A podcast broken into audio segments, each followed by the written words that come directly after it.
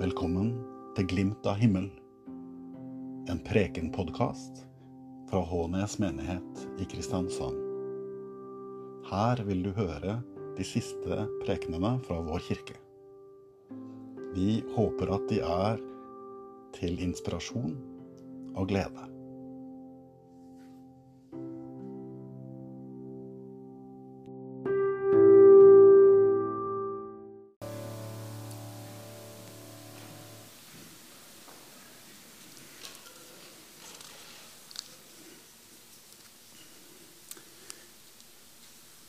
Da legen ga henne beskjed om at hun hadde maks tre måneder igjen å leve, så bestemte hun seg umiddelbart for å ordne alle detaljene rundt sin egen begravelse. Sammen med presten i hennes lokale kirke så gikk hun gjennom hvilke sanger som skulle synges, hvilke tekster som skulle leses, og hvilke klær hun skulle ha på seg. Og så er det en ting som er veldig viktig for meg, sa hun. Jeg vil begraves med en gaffel i hånda. Presten strevde med å skjule sin forbauselse. En gaffel, hvorfor det? La meg forklare, sa han. Jeg har vært i mange slags middagsselskap i mitt liv. Og jeg har alltid likt best de gangene hvor, hvor verten har sagt du, du kan beholde gaffelen. For da visste jeg at det var noe bedre i vente. Ikke sant? Ikke, ikke bare is eller pudding, liksom, men noe skikkelig fint. Kanskje, kanskje en pai eller noe sånt.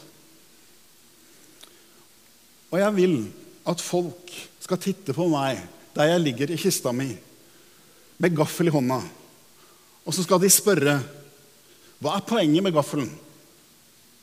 Og da skal du fortelle dem det jeg har sagt og hilse til alle og be dem om å beholde gaflene sine. For vi har noe bedre i vente.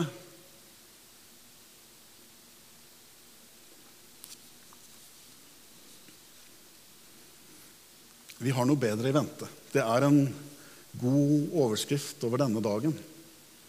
Det er det Jesus ønsker å vise oss i dag. Vi har noe bedre i vente. Og da tenker jeg ikke på julen, som er bare noen uker unna nå.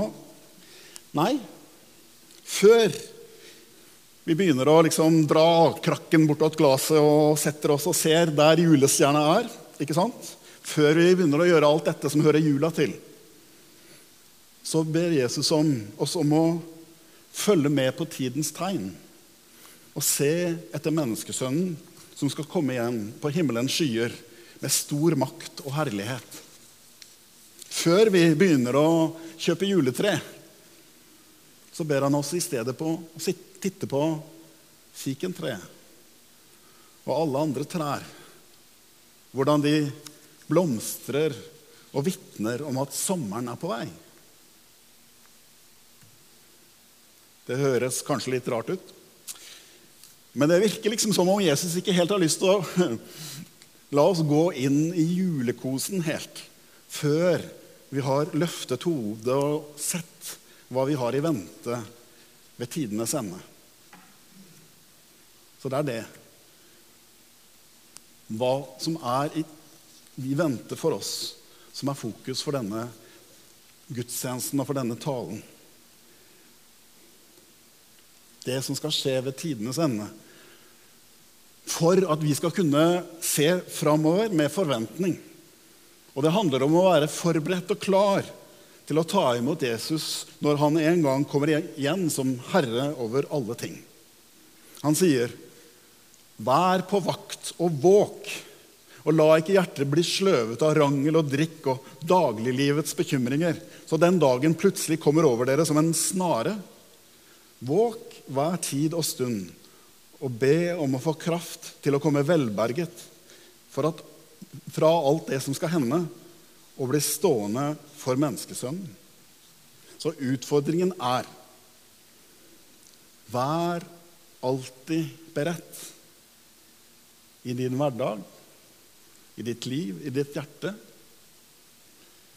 til å ta imot himmelens Herre når Han kommer.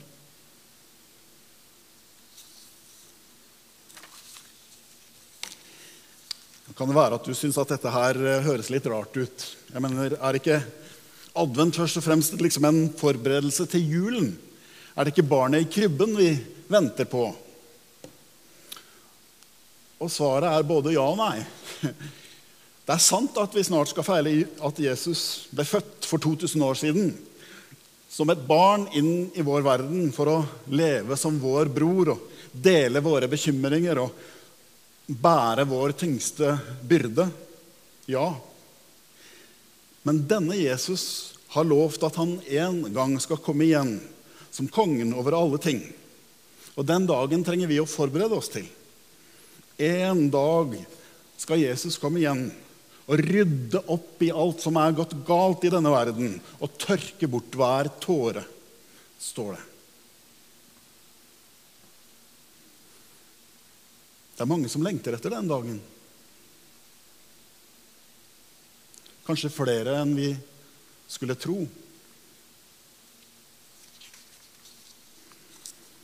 Det er mange som klamrer seg etter håpet om at en dag skal Jesus komme igjen og rydde opp.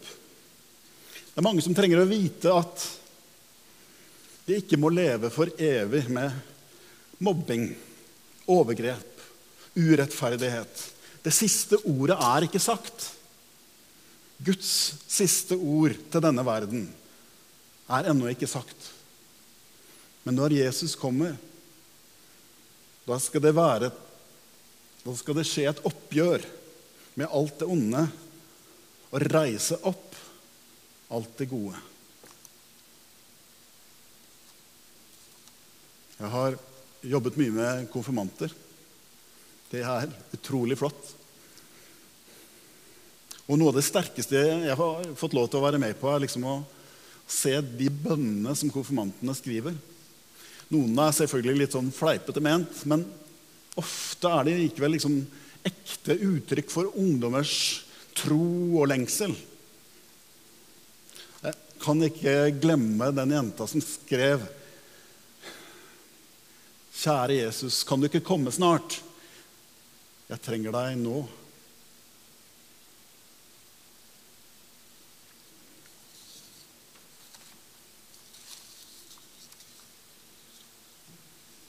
Jesus sa, 'Se på fikentreet og alle andre trær.'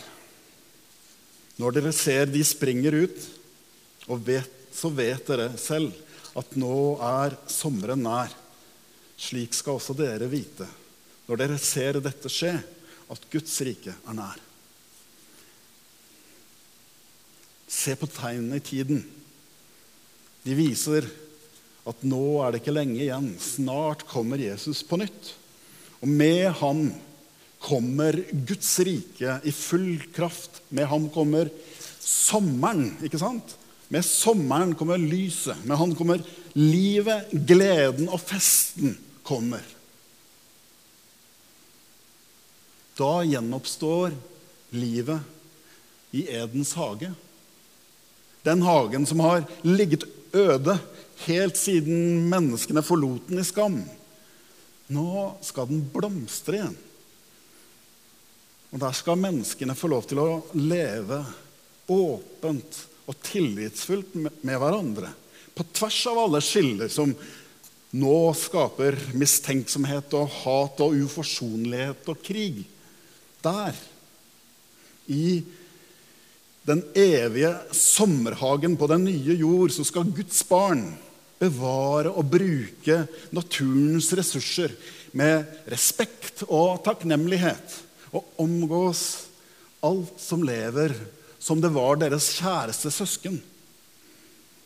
Og sammen med sin bror Jesus så skal de leve lekende og glade hjemme hos sin himmelske far. Kan dere se det for dere? Det, mine venner, er fremtidsutsiktene våre. Det er det vi har i vente. Og det er det Jesus ber oss om å forberede oss til, så vi ikke går glipp av det når det skjer.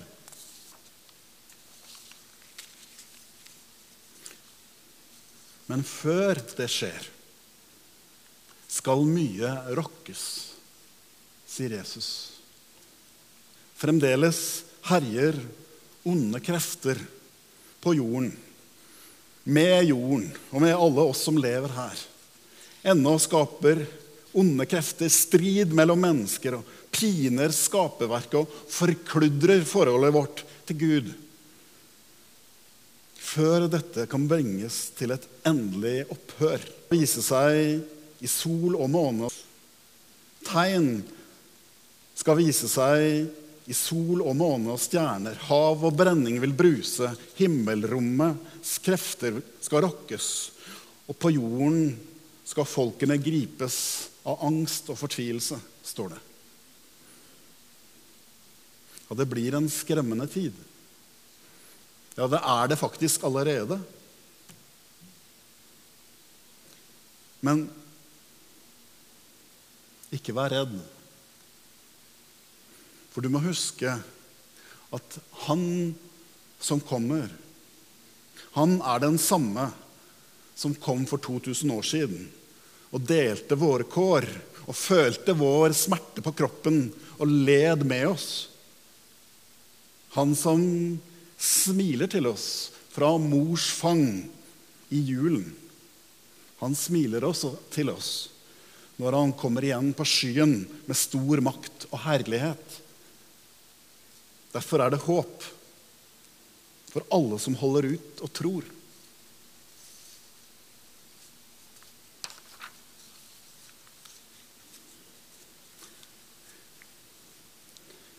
Kvinner som har vært igjennom en fødsel, vil vite bedre enn de fleste av oss hva dette dreier seg om. Med fødsel så kommer uutholdelige smerter, om man vil eller ikke. Og Fødselsveiene river i kroppen, og det kan kjennes som man nesten dør i kraftanstrengelsene for å forløse barnet. Men så til slutt, når alle kreftene er brukt opp og litt til,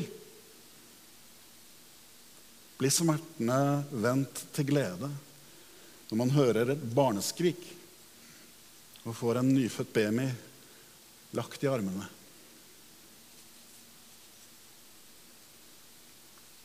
Sånn er det også når Jesus skal komme igjen. Det harde og vonde før han kommer, det er også fødselsveer. Kosmiske fødselsveer.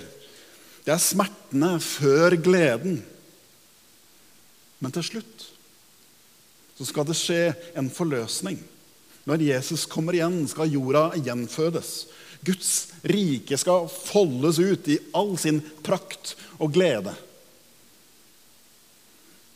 Og da skal alle Guds barn få se at de har noe mye, mye bedre i vente hjemme i himmelen hos Gud. Ære være Faderen og Sønnen og Den hellige ånd, som var og er og blir en sann Gud fra evighet og til evighet.